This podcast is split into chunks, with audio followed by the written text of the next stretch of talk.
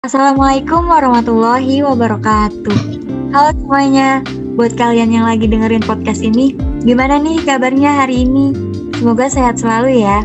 Pada kesempatan kali ini, perkenalkan nama aku Vera Novianti. Halo, nama aku Melinda Budi Nurhayati. Halo, aku Zara Putri.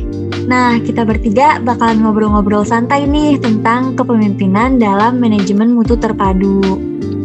Oke, sebelumnya aku bakalan ngasih tahu nih kalau manajemen mutu terpadu itu merupakan suatu sistem manajemen yang memanfaatkan sumber-sumber kualitas yang ada di dalam suatu organisasi melalui tahapan-tahapan manajemen secara terkendali untuk meningkatkan kualitas pelayanan pada pelanggan secara efektif dan efisien. Nah, dari yang udah dijelasin sama Melinda tadi, pastinya penerapan manajemen mutu terpadu ini perlu dong adanya suatu kepemimpinan yang berkualitas agar hasilnya nanti maksimal. Iya, ngomong-ngomong soal kepemimpinan nih, kalian tahu nggak sih kepemimpinan itu apa? Uh, pasti kayak udah pada tahu semua nggak sih? Menurut Zahra kepemimpinan itu apaan sih? Nih sebelumnya itu kepemimpinan atau leadership itu berbeda loh ya, sama dengan pemimpin atau leader. Kepemimpinan itu kemampuan untuk mempengaruhi orang lain atau kelompok dengan maksud mencapai tujuan bersama. Sedangkan pemimpin merupakan seseorang yang berperan sebagai kepala atau ketua untuk memimpin organisasi atau kelompoknya. Nah, dari pengertian ini dapat kita simpulkan bahwa kepemimpinan merupakan proses mempengaruhi kegiatan seseorang atau kelompok dalam situasi tertentu untuk tujuan bersama. Nah, kita udah tahu kan ya pengertian kepemimpinan itu apa? Terus ternyata ada loh dimensi kepemimpinan. Loh, emang ada ya dimensi kepemimpinan? Dimensi kepemimpinan itu apa sih? Ada dong, nih menurut KBBI dimensi itu kan ukuran ya. Jadi dimensi kepemimpinan itu ukuran dari suatu kepemimpinan yang akan ditetapkan oleh pemimpin. Nah iya betul nih, menurut Doni Juni Priyansa, juga dimensi kepemimpinan itu dibagi jadi dua. Yang pertama ada kepemimpinan berorientasi tugas. Artinya, pemimpin itu hanya menekankan kepada bawahan untuk menyelesaikan tugasnya. Jadi, dia itu tidak memperdulikan bakat dan minat yang dimiliki oleh anggotanya. Oh, berarti pemimpin ini nggak ngikutin perkembangan dan kemajuan lingkungannya dong, karena kan dia uh, terlalu fokus untuk nyelesain tugas terus. Iya, betul. Itu bisa jadi kekurangan dari dimensi kepemimpinan berorientasi tugas. Oh ya, dimensi yang kedua apa ya? Nah, yang kedua nih, ada dimensi kepemimpinan berorientasi pada hubungan antar manusia. Nah, dimensi kepemimpinan ini tuh pemimpin hanya akan mementingkan perkembangan para anggotanya, kepuasan mereka, motivasi, kerjasama, pergaulan, dan kesejahteraan. Nah, pemimpin dengan dimensi ini beranggapan bahwa jika hubungan antara pemimpin dan anggota bagus, pasti tujuan organisasi akan tercapai. Wah, padahal kan sifat manusia itu bisa berubah-ubah ya, bisa aja anggotanya malah menyebabkan kemunduran di organisasi itu. Iya sih, betul. Itu juga bisa jadi kekurangan dari kepemimpinan ini.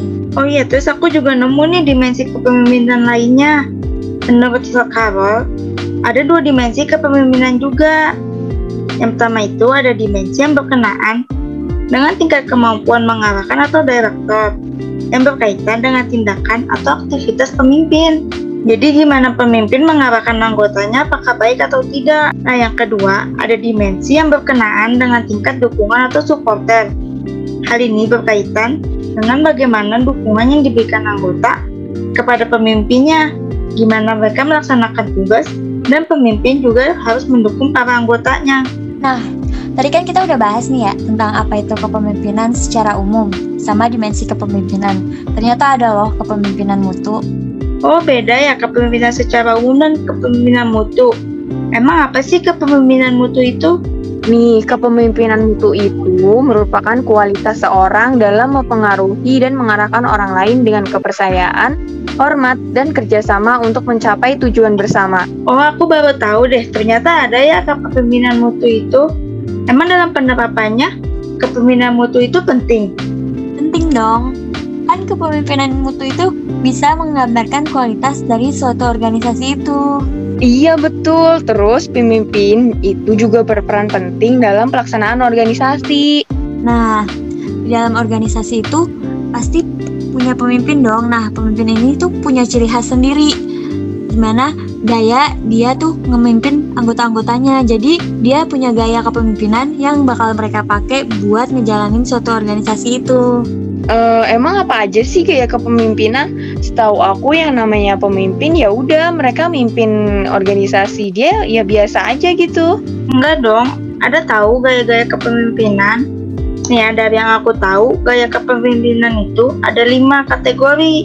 Yang pertama itu ada gaya kepemimpinan autokratik, gaya demokratik, gaya partisipatif, gaya orientasi tujuan, dan gaya situasional. Hmm, aku bantu jelasin dikit kali ya tentang gaya kepemimpinan itu. Yang pertama itu kan tadi ada kepemimpinan autokrat autokratik nih. Nah, di mana dalam pengambilan keputusannya itu berada di tangan pemimpin. Loh, berarti dia langsung ambil keputusan gitu ya? Nggak nanya dulu sama anggotanya? Iya betul, karena kan uh, pemimpin yang pakai gaya kepemimpinan itu tuh cenderung mengatur anggotanya untuk melaksanakan apa yang dia katakan gitu loh. Nah yang kedua ada gaya kepemimpinan demokratik, di mana pemimpin mengambil keputusan dengan melibatkan anggotanya atau menerima saran dan masukan. Ih, uh, terus barusan aku cari tentang gaya kepemimpinan partisipatif nih. Nah, aku itu baru tahu ternyata gaya ini tuh terbuka, bebas, dan pemimpin itu nggak banyak ngatur anggotanya dalam uh, pengambilan keputusan gitu loh. Malah cenderung ngasih informasi terkait permasalahan yang ada. Terus uh, pemimpin itu juga ngasih kesempatan ke anggotanya buat cari strategi dalam ngemecahin permasalahan itu. Tapi ya setahu aku kalau kayak gitu tuh dia bakalan butuhin waktu yang lama kan ya buat ngambil keputusan. Iya deh pasti. Berarti itu salah satu kelemahannya juga ya? Iya benar, bisa dibilang itu juga salah satu kelemahannya sih. Nah, kita udah tahu nih tiga gaya kepemimpinan. Nah, terus ada next itu ada gaya kepemimpinan orientasi tujuan. Yang udah disebutin sama Zara tadi kan, kalau gaya kepemimpinan ini tuh uh, pemimpin uh, minta anggotanya buat fokus sama tujuan yang lagi dia targetin aja gitu. Kalau cuma fokus sama yang lagi ditargetin, bisa aja dong ya ada masalah yang lepas dari perhatian mereka karena mereka nggak perhatiin sekitar karena terlalu fokus sama target dan tujuan. Iya betul, kadang terlalu fokus itu juga nggak bagus ya, ya nggak sih? Karena um, kita terlalu fokus banget nggak ngeliatin sekitar, terus ini juga bisa jadi kelemahannya dari gaya kepemimpinan ini. Iya bener banget, itu salah satu kelemahan dari gaya kepemimpinan itu. Oh iya, tinggal satu gaya kepemimpinan nih. Yang tadi itu ada gaya kepemimpinan situasional, di mana pemimpin bisa menyesuaikan gaya pemimpin mereka sesuai dengan kebutuhan organisasi saat itu. Uh, nah kan udah dijelasin nih, nih uh, lima gaya itu. Uh, terus dari gaya yang tadi kita jelasin itu menurut kalian gaya kepemimpinan mana yang cocok dan masuk dalam konteks manajemen mutu terpadu? Kalau dari yang aku baca ya tuh uh, ada tuh dari Gus dan Davis itu gaya kepemimpinan yang sesuai sama uh, masuk ke dalam konteks manajemen mutu terpadu itu uh, gaya kepemimpinan partisipatif karena uh, di gaya kepemimpinan ini dengan kata lain itu pemimpin mencari masukan dan saran dari para anggotanya. Jadi pemimpin itu tuh nggak cuma terima masukan sama saran doang nih, tapi saran sama masukan itu ditelusurin sama dia. Terus dia juga peduli dan bekerja sama sama anggotanya buat mecahin masalah yang ada. Dan kalau permasalahan itu selesai, itu artinya dia bisa meningkatkan uh, mutu dari organisasinya itu. Wah, berarti kepemimpinan partisipatif ini berkaitan banget dong ya sama manajemen mutu terpadu? Iya, betul banget nih, ini sangat berkaitan. Nah, ngomongin kepemimpinan sama manajemen emang penting sih dua-duanya untuk mengimplementasikan manajemen mutu terpadu. E, di dalam lembaga pendidikan sendiri, kepala sekolah itu memiliki posisi sebagai pemimpin. Tapi di lain waktu, e, dia juga bisa tuh menjadi manajer dalam menjalankan kebijakan dinas pendidikan. E, dia berperan sebagai manajer. Terus, pada posisi ini, kepala sekolah juga menjalankan fungsi manajemen seperti merencanakan, mengorganisasi, mengaktualisasi, dan mengontrol pelaksanaan. Nah, tadi kan itu kepala sekolah sebagai manajer ya.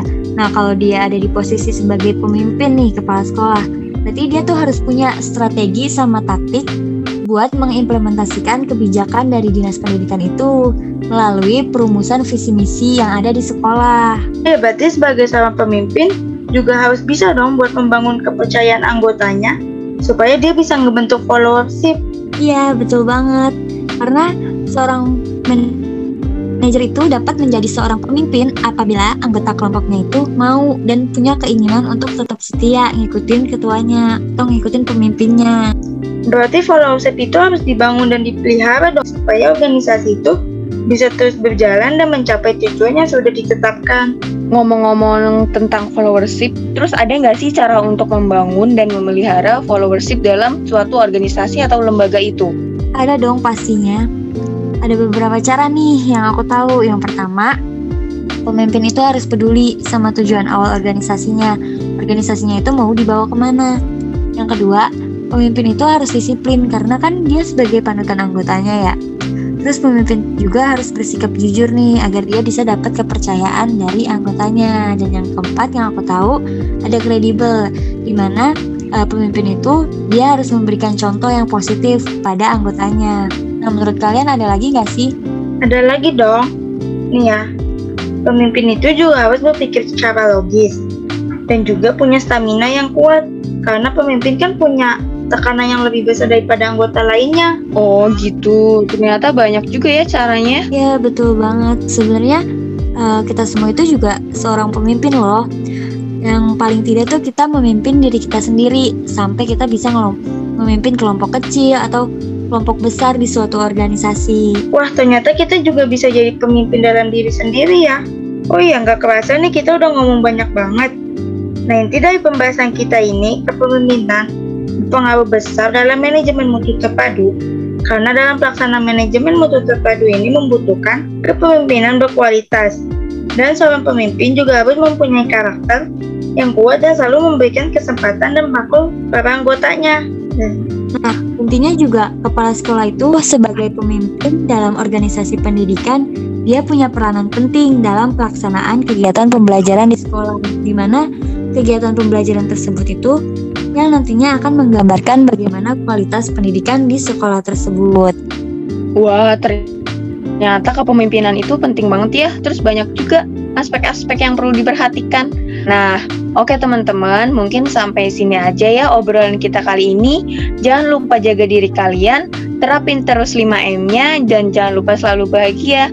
Sampai bertemu di lain kesempatan. Dadah!